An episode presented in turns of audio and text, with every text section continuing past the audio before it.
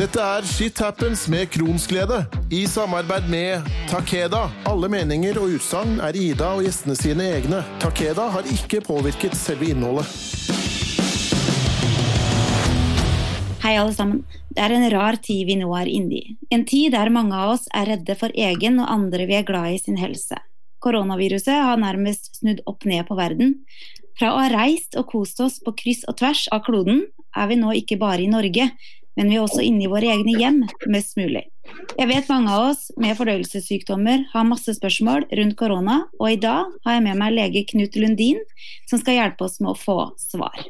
Velkommen, Knut. Tusen takk, Ida. Først så tenkte jeg du kan få lov til å fortelle litt eh, om deg selv og hva du jobber med. Ja, det kan jeg gjerne gjøre. Jeg er her mest fordi at jeg er overlege på Rikshospitalet på Oslo universitetssykehus og har arbeidet eh, med fordøyelsessykdommer siden 90-tallet. Eh, eh, stort sett på Rikshospitalet, hadde også en liten tur innom Ullevål sykehus. Hovedstillingen min er å være på universitetet, hvor jeg er ansvarlig for den medisinske utdanningen av medisinerstudentene. Den kliniske utdanningen. Ja, det er veldig fint at du hadde tid til å, komme. For jeg ser jo at veldig mange av oss med IBD, da, eller mage- og tarmsykdommer, sitter med veldig mange spørsmål og lite svar. Spørsmålene er mange, og mange er forvirra fordi eh, Norge ofte gir andre råd til IBD-pasienter enn f.eks. England og Australia. Eh, der har de bl.a. sagt at mennesker som går på immundempende medisiner, nå skal holde seg inne i tre måneder, og så ikke gå utafor døra si engang. Hva tenker du rundt det? Jeg syns det er litt overraskende. Eh, det er jo covid-19, da, denne lungesykdommen, den er jo ganske ny. Den har jo bare vart i noen eh, måneder. Eh, vi har jo ganske lang erfaring fra en ganske lignende sykdom, et lignende type virus, nemlig influensavirus. Så vi vet jo en god del om det. Og så er det jo vært veldig mange som har blitt syke av uh, dette koronaviruset, da. Mm. Og fått uh, covid-19.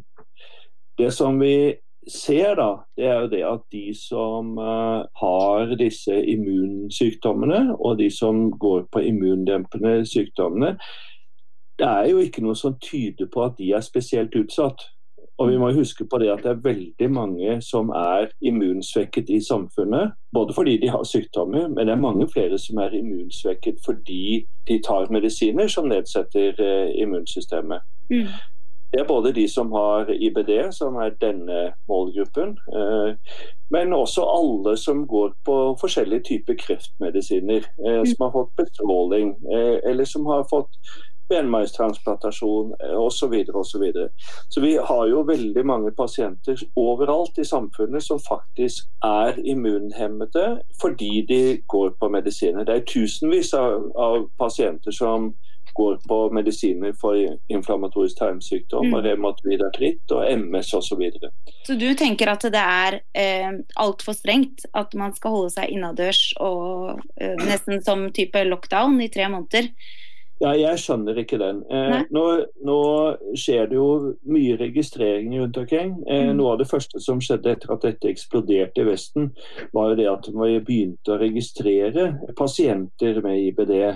Det er eh, en stor internasjonal organisasjon som heter IOIBD, eh, som har dratt i gang dette. Jeg jobber mye med cøliakere. Der er det et eh, amerikansk senter som har dratt i gang en registrering av de som har cøliaki. Eh, så hvordan eh, fasiten kommer til å bli seende ut, det vet vi ikke ennå. Mye bygger altså på det som er vår erfaring fra helsevesenet. og der er det veldig lite som tyder på at disse med IBD er spesielt utsatt. Mm. Er det da en forskjell på eh, hensyn å ta om du er medisinert eller ikke? Altså om du har IBD, men av ulike årsaker ikke bruker medisiner, er man i en slags risikogruppe da, tenker du? Nei, hvis det er jo noen som har IBD, og som har det i så mild grad at ikke mm. de trenger å bruke medisiner. Mm.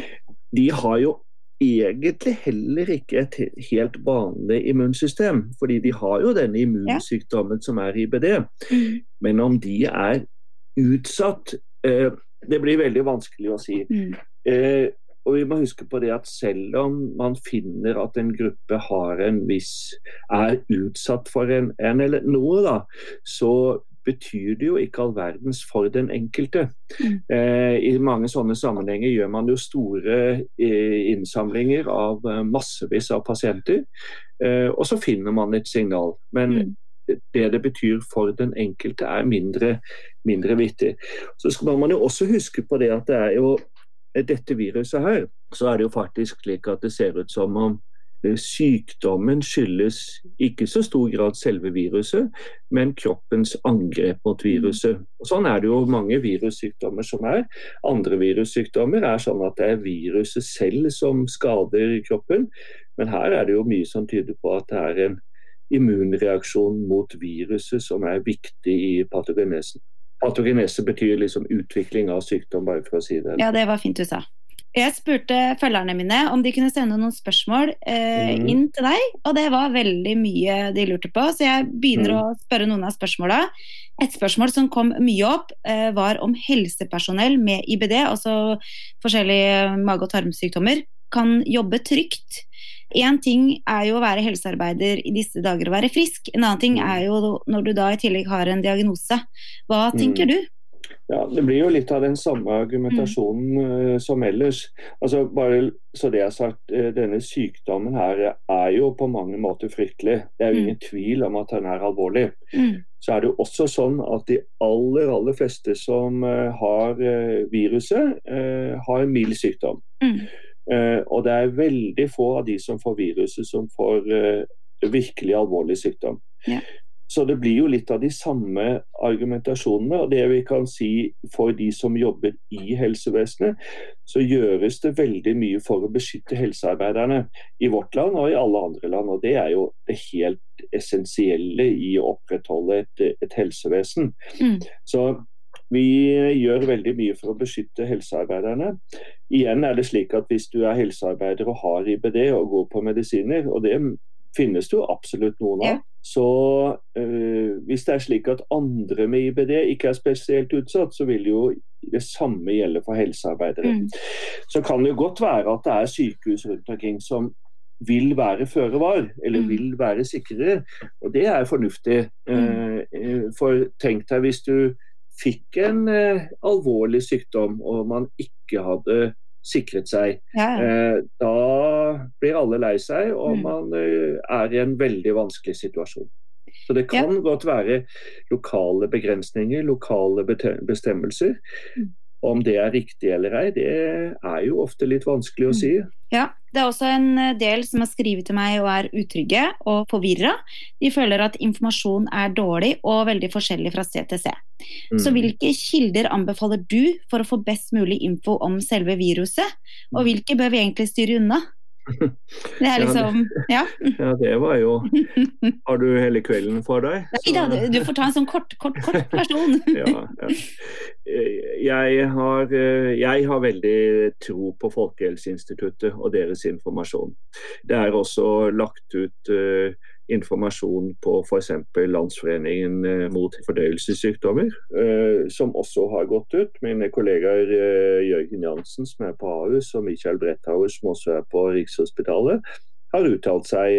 og Jørgen har jo en veldig lang erfaring med IBD-pasienter. Mm. Og det er jo typisk en side som burde vedlikeholdes. Mm igjen, vi har ikke alle fasiter, selvfølgelig. Nei. Ting utvikler seg hele tiden.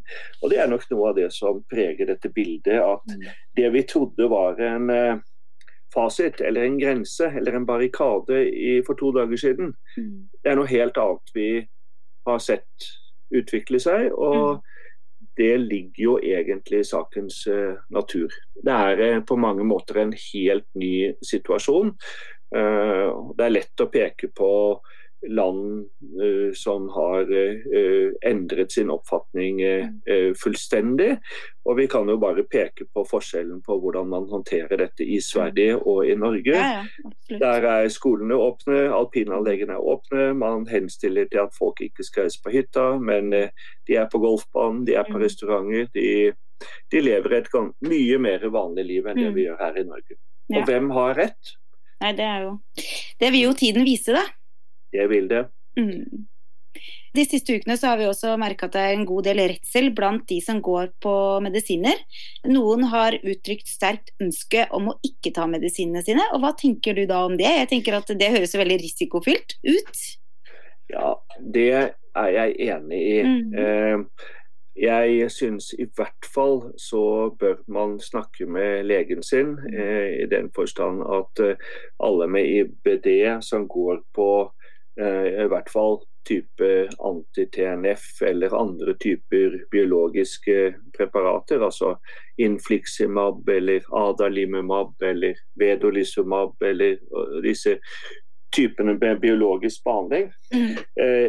Bør ha en tilgang til en eh, ressursperson på sykehuset. Ja. Eh, eh det, og det må nødvendigvis være på hvert enkelt mm. sted. jeg vil alltid være negativ til at pasienter skal gjøre det selv. Men mm. jeg vet jo også at det er mange pasienter som ikke får fatt i legen sin. Mm. Og når legen eh, blir spurt, så er legen litt usikker. og det er jo også eh, forståelig i mm. denne uvanlige situasjonen. Ja.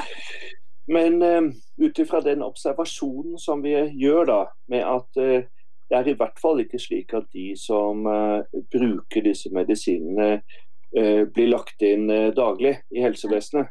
De blir, vi ser dem jo omtrent ikke. Nei, ikke sant. Mm. og det sier vel en god del eh, om, om frykten. Men mm. det er samtidig helt naturlig å tenke de baner. Ja da, og eh, ja. Mm. En er jo redd for både sitt eget og andre, andre sine liv. og det er, jo, er, det er, jo, skummelt, og spesielt det man ikke har noe håp om at skal hjelpe før kanskje lang tid. Da, så blir det jo skummelt. Det blir Men, veldig skummelt. Og uh, så må man jo også man må jo ha enda mer forståelse for at folk som har vært gjennom masse typer medisiner, kanskje operasjoner, har hatt mye sykelighet, at de føler seg utsatt. Mm. Så det er uh, det motsatte hadde vært veldig merkelig. Men er det trygt å komme til sykehuset og få infusjoner og sånn nå, eller er det høyere risk for smitte? Nei, vi tror jo ikke det er høyere risiko for smitte. Eh, vi har på de aller fleste sykehus nå har tatt ned hele eh, behandlingen. Altså de, vi behandler mye, mye færre pasienter totalt i mm. sykehusene. Eh, de vi behandler, det er de som vi vet vi må behandle. og jeg vil i hvert fall si at en pasient med IBD som går på regelmessig behandling, f.eks. med infliximab, skal absolutt ha den medisinen. Og Det er noe helsevesenet må organisere. Ja. Og Nettopp fordi at det er så veldig få pasienter i sykehusene, og alle de pasientene som, som er på vei til sykehuset, de får først en SMS med beskjed om å kontakte sykehuset hvis de har luftveisinfeksjoner. Mm. Og når de kommer til sykehuset, så går de gjennom en sluse. Mm. Eh, så jeg tror sjansen for å bli smittet på sykehusene sånn som de er i dag, den er absolutt minimal. Det er nok større problem i dag at uh, folk er redde for å gå til legen sin, mm. redde for å bli innlagt. Og mm. vi ser jo veldig lite aktivitet på veldig mange sykehus uh, nå. Mm. Hvis situasjonen hadde blitt sånn som den er i New York, mm. uh, i Queens, eller sånn som den er i Nord-Italia, så blir situasjonen en helt annen. Ja.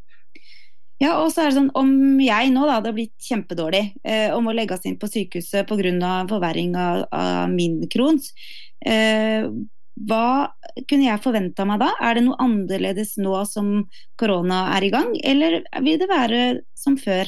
Eh, man vil nok forvente at uh, vi bestreber oss enda raskere på å få folk ut igjen, for å, mm. for å si det på den ja. måten. da. Så Terskelen for å bli lagt inn er nok mm. høyere. Mm. Eh, tanken med at man skal få folk ut igjen, eh, den er der hos alle. Mm. Samtidig så gjør vi selvsagt det vi må det er, eh, det er liksom helt udiskutabelt. Mm. Det er mange pasienter som kommer til sykehusene. Alle de vi har mistanke om eh, er smittet med viruset, blir isolert og, og blir ivaretatt av, eh, av helsepersonell som har beskyttet seg selv. Mm. Og vi ser jo at det er egentlig veldig få av de som blir lagt inn på sykehus der man kunne mistanke det, at Mm. man faktisk finner eh, viruset. Ja. I dag. Ja. Hvordan det ser ut om to uker, så det er jo vanskelig å Mm. vite. Eller om fire uker. Eller kanskje, kanskje vi kan håpe at det ikke blir så ille Mm. som det man har sett i Mm. enkelte andre land. Jeg tenker at en må i hvert fall eh, ha håpet på at, en skal, at dette her vi driver med nå skal ha en virkning. Ja, det må vi jo absolutt tro. og vi, Det er jo også lett å peke på en del land som så langt har sluppet ganske billig ut av det. Mm. Altså, Tyskland har det vært lite skriverier om, Frankrike har det vært lite om, eh, Danmark. Mm. Eh, Sverige er en egen historie. Ja. Jeg er jo ufør. Eh, mamma Mm. til fire ganske fine barn, vil jeg si. Samboer med en flott mann som jobber mye. Mm. Eh, og jeg er vant til å hvile når ungene er på skole og i barnehage. Mm. Nå er jo dagene mine veldig travle med to skolebarn som går i femte og tredje trinn. De trenger mye støtte og mye tid. Og så har vi da de to minste barna på tre og fem år som krever mye lek og voksenkontakt og aktiviteter. Mannen min har hjemmekontor, noe som gjør at jeg virkelig har fått slengt i fanget mye mer ansvar enn jeg noen gang har hatt. eh, Ja, I hvert fall de siste åra. Mm. Og jeg er jo redd for resultatet av dette. Eh, Kroppen Mm. min er jo veldig god på å holde ut når det trengs, men når dette her drøyer ut over tid, så er jo jeg redd for å gå på en smell. Mm. Mm. Eh, og det er jo mange med meg der ute, foreldre som egentlig trenger hvile og ro, er nå i en ganske uheldig situasjon som kan gi store helseutfordringer på sikt. Har du noen tips og råd i forhold til oss? Du hadde en Mm. veldig god innledning her, og, som peker jo på dine egne ressurser og hva Mm. du går eh, med. Her i dag så er det en viss eh, mobilitet i samfunnet. Vi vet at det er eh, mange som er hjemme fra jobb. Men vi vet også, og det står jo stadig til mediene, at det er nå et underforbruk av hjelp, rett og slett. Eh, Folk eller barn som burde vært i barnehage, burde vært på skole, eh, burde hatt en oppfølging, eh, får det ikke, eh, kan ikke få det. Nei, for jeg har forstått Eh. at veldig ofte så er det de som har psykiske eh, problemer, da, som får den De blir veldig fort eh, får fort tilbud om hjelp, da. Jeg tenker at det finnes veldig mange andre grupper også som kanskje hadde trengt litt ekstra hjelp i disse dager. Absolutt. Mm. Problemet blir jo hele tiden sånn som status er nå, at man vet ikke hvordan man skal organisere Nei. den hjelpen. Så lenge du har det, det viktige prinsippet om at vi skal i minst mulig grad eksponeres eller være i kontakt med hverandre, Mm. eh, så blir det jo også da veldig vanskelig å ha et eh, ambulatorisk team. Da. Selv om folk er permitterte, selv om de er tilgjengelige, så blir det jo veldig vanskelig å Mm. sende dem rundt til et stort Ja. antall personer. Absolutt. Så jeg er redd det ikke er noen eh, enkel løsning på det Nei. spørsmålet du har, i hvert fall. Og så tenker jeg at eh, det vil jo kanskje bli en tøff tid når dette er over for veldig mange. At den kanskje da det er ekstra viktig, da, når dette er, eh, selv om det kan ta tid, selvfølgelig, en, men at den er flink til å være klar over hva som kommer og være litt forberedt, da. Så godt det lar seg gjøre. Det er en veldig vanskelig tid for alle, absolutt alle i samfunnet. Mm. Økonomisk nedgang, Mm. langvarige økonomiske følger for samfunnet. Mm. Eh, psykiske, personlige følger for eh, den enkelte, for familier. Eh. Jeg tror det er veldig vanskelig å spå akkurat hvor eh, ille det kommer til å bli totalt sett, men alt tyder på at det blir veldig ille. Mm. Det er ei jente som heter Iselin. Hun skriver eh, til meg og sier at eh, jeg syns dette er en veldig vanskelig tid, da det er så stor eh, forskjell på informasjon. Jeg bruker flere medikamenter mot sykdommen, og er også veldig undervektig og bruker sondenæring. Ifølge Mm. alle utenlandske sider er jeg i høyrisikogruppa, men jeg fikk beskjed av min lege at jeg bare måtte følge reglene som alle andre. Jeg har også alvorlig helseangst og slitt med dette i mange år og trenger konkrete svar. Ikke Mm. sånn fram og tilbake-svar. Dette trigger jo angsten min. Ja. Eh, hva kan jeg gjøre for å få meg tryggere? Ja, jeg vet ikke om hun burde ha hørt på det jeg har sagt i dag, i hvert fall. For jeg det er akkurat det hun eh, etterlyser. De helt eh, klare svarene. Eh, Jeg føler virkelig med den personen eh, Dette er jo den mest vanskelige situasjonen. Eh, både å ha en helseangst og å være helseopplysningssøkende. Mm. Eh, det, det er vel nesten den vanskeligste kombinasjonen, eh, vil man si. Men vi følger jo mye med på hva som skrives rundt omkring. Og jeg gikk inn før vi skulle ha denne samtalen her eh, i dag, så gikk jeg inn og så på Europeiske eh, gastroforeningens eh, side. Eh, følger med på amerikanske sider. Eh, spørsmålet blir jo egentlig hvilken kilde skal man tro på, og hva skal man feste lit til, og hva skal man se? Det er veldig lett å finne flere som maler fanden på veggen for IBD-pasientene. Mm. Samtidig er det jo mange som er mer enn nøkterne. Ja, og så er det ei som heter Hege. Hun har morbus Crohn og jobber i helsevesenet. Vi har veldig lite beskyttelsesutstyr, og til fredag skal jeg inn og få ny dose med medisin. Er det noe jeg bør være obs på i forhold til dette? Jeg jobber hos en mage- og tarmspesialist, og vi står jo ganske nær pasienten under koloskopier f.eks. Bør mm. jeg sykemeldes? Hun vil jo i og for seg være i en viss risiko eh, eksponeringsmessig. Eh, mm. Vi vet jo det at eh, mage-tarmpasienter eh, har en del av dette. Altså personer som, eh, som eh, i hvert fall data fra Ullevål da, med, mm. med, hvor man undersøkte pasienter som kom til mageundersøkelser. I den bredeste forstand, altså mm. røntgenundersøkelser, så viste det at uh, en del av dem hadde jo faktisk eh, var eksponert for viruset. Ja. På vår avdeling så har vi jo innført uh, betydelige restriksjoner på Eh, eh, på hvem som kan være inne på rommet. Eh, vi har en gravid medarbeider. Hun er ikke i kontakt med noen pasienter, selv om det er ikke så mye som tyder på at gravide er spesielt utsatt, men på den annen side, tenk hvis det ja. skulle skje noe. Det innføres også stadig mer restriksjoner på akkurat det. Om man skal sykemeldes, så vidt jeg har fanget opp, er det ikke noe generelt råd om akkurat det. Nei. Og så er det ei som heter Charlotte, da. Hun har også morbus Crohn, og så røyker hun. Og med den mm. kombinasjonen så er hun da redd for at hun er i den verste risikogruppa. Føler litt sånn at du har eh, dobbel risiko. Stemmer, stemmer det? Vi pleier å si til alle kvinner eh, med kron uh, som røyker, at uh, det er ikke noe god kombinasjon. Og Det tror jeg hun som har sendt inn spørsmålet også fornemmer. Mm. Det er ikke klokt å røyke, og det er ikke klokt å røyke når du har kron. Og det er ikke klokt å være røyker, tror vi, når det er koronavirus ja. rundt omkring. Mm. Om hun vil være mer mottakelig, det er vel et spørsmål, men jeg syns ikke det hørtes ut til å være noen veldig god eh, kombinasjon. Nei. Så kan du si at risikoen for henne på individnivå, mm. den må man huske at den er heldigvis noenlunde beskjeden. Mm. Slik ser det ut. Ja.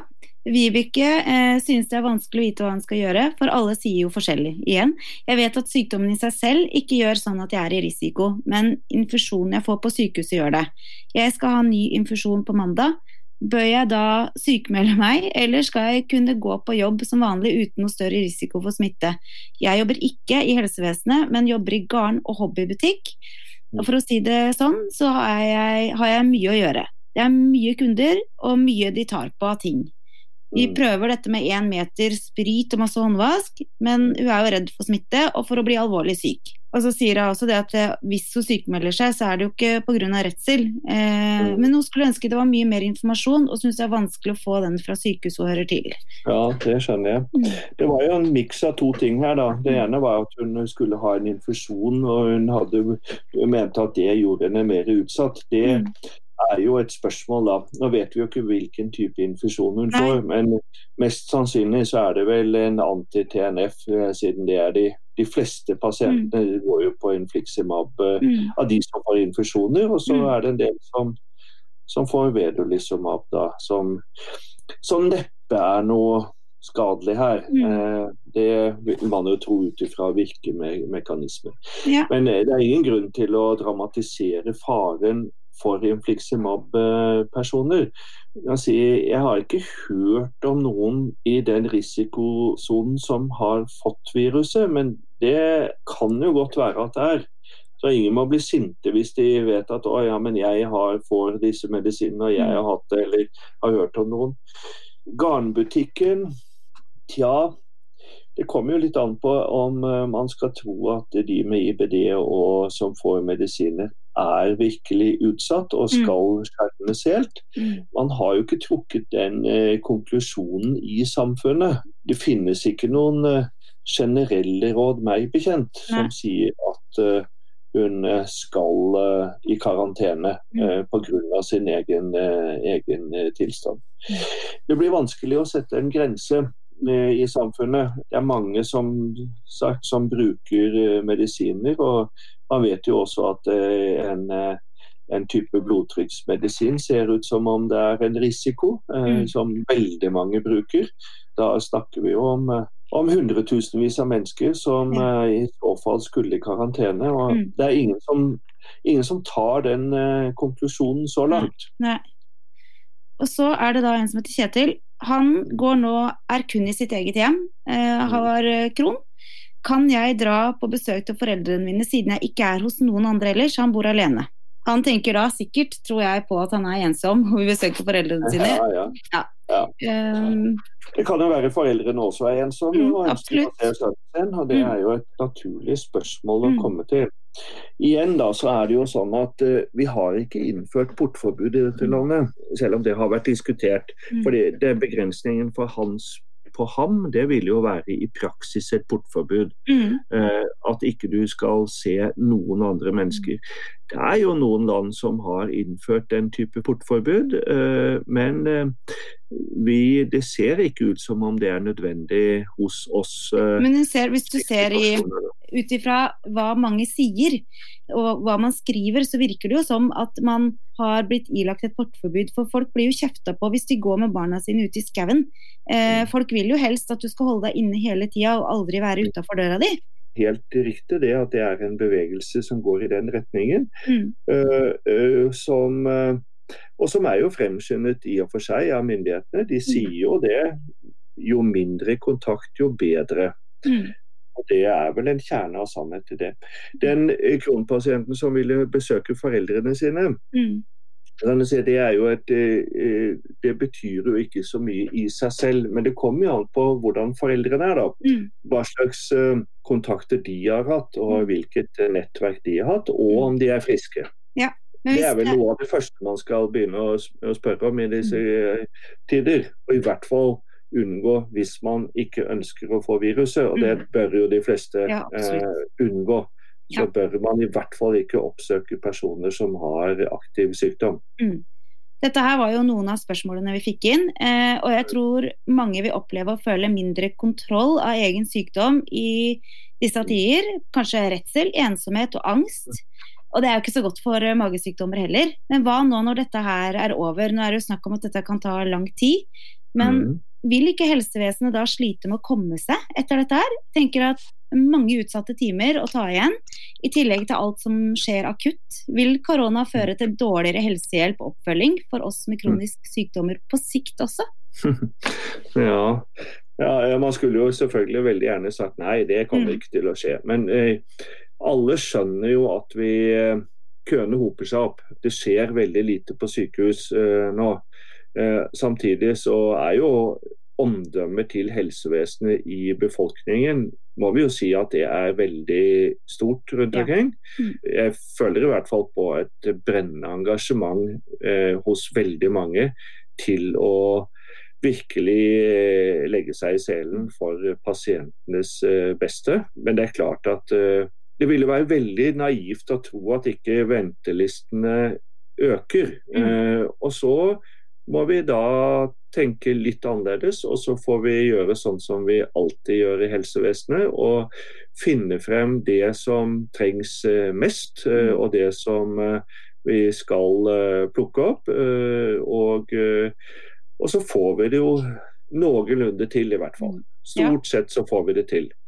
Og så eh, er det jo en del ting som eh, gjøres i helsevesenet, eh, selvfølgelig, som kanskje ikke er så nødvendig heller. Vi fornemmer jo det at eh, behovet for helsetjenester er alltid lik tilbudet pluss 10 Eh, og når tilbudet er borte, så går behovet litt eh, ned. Mm. Det er litt kynisk å si det slik, men det er nok en liten kjerne av sannhet i det også. Eh, vi vet at det er mange som er eh, utrygge på egen helse, egen sykdom. Vi vet at det er mange som ikke har den kunnskapen som eh, bestemødrene hadde, eller nabokoner og sånt hun hadde. Det er mange som oppsøker eh, lege for eh, såkalt sjekk, eller for at de vil skrine seg selv. Og det forskyves nå, da. Mm.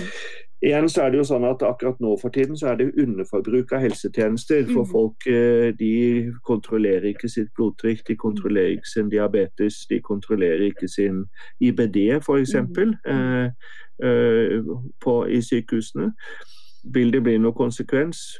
Tja, kanskje. Mm. Vi må, det er en viss grunn til å frykte akkurat det. Mm. At det vil være en, en negativ helseeffekt av det. Og så får vi alle sammen eh, gjøre en innsats. Og det tror jeg i hvert fall helsevesenet og helsearbeiderne er eh, mer enn klare for. Mm. Og vi vet at dette kommer som en bølge over oss eh, eh, når viruset begynner å ebbe ut.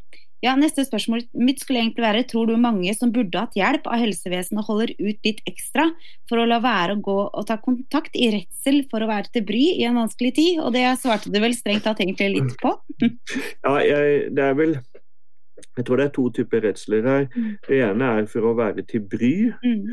Det andre er en redsel for å bli smittet i helsevesenet. Mm. Jeg tror den siste den tror jeg er eh, veldig lite relevant. Eh, igjen da, Jeg tror ikke man skal være bekymret for å bli smittet av å oppsøke sin lege. Eller uh, som vi nå sier, ring først, og ikke møt opp Mm. selv.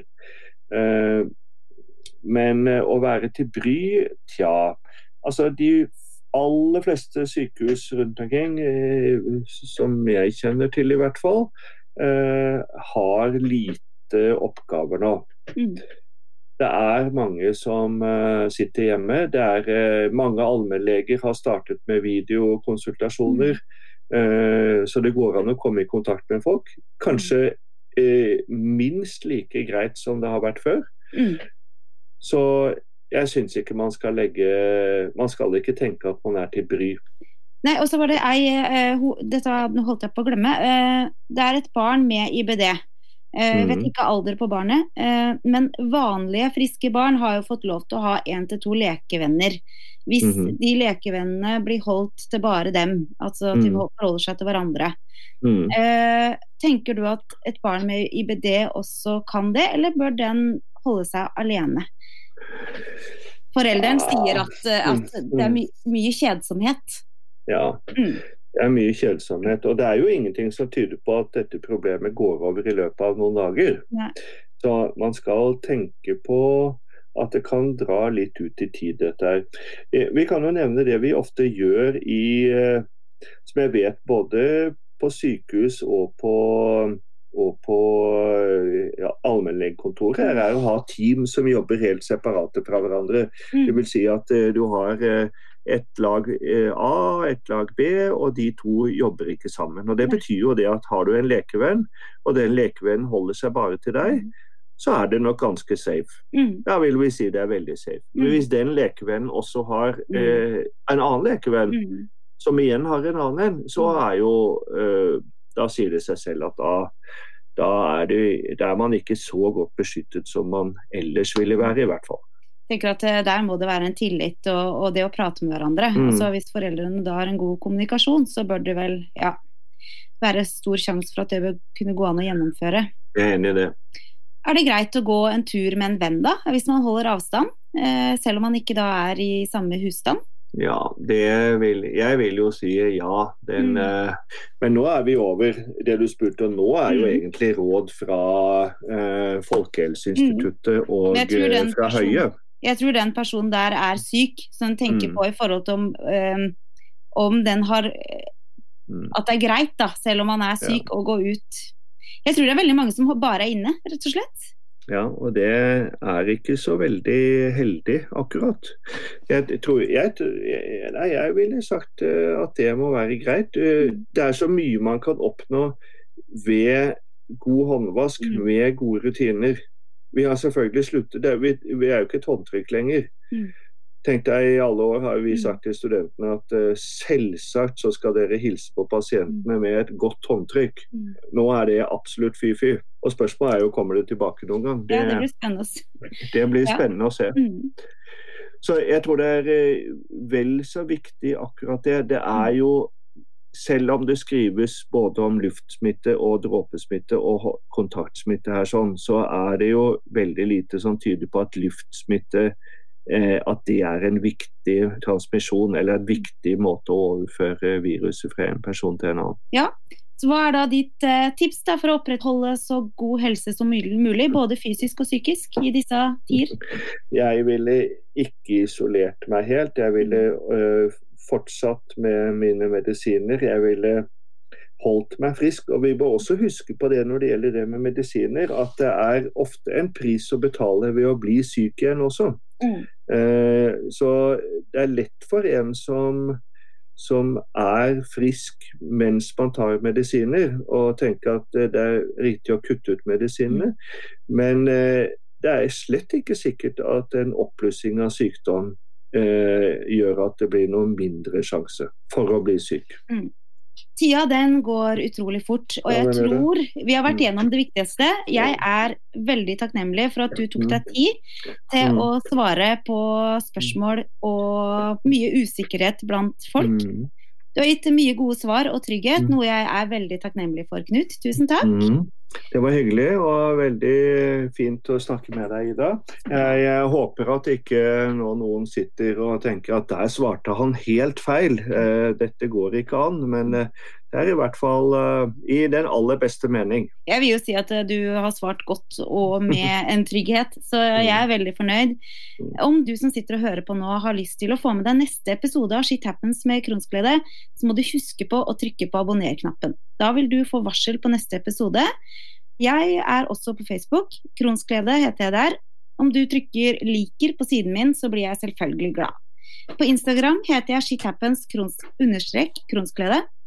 Denne podkasten er laget for oss med fordøyelsessykdommer, våre pårørende og helsepersonell. Til vi høres igjen, følg anbefalingene som gis i forbindelse med koronaviruset, men ikke stopp å leve. Livet er i dag, og det er ditt ansvar å gjøre det godt. Vi snakkes! Shit happens med kronsglede i samarbeid med Takeda.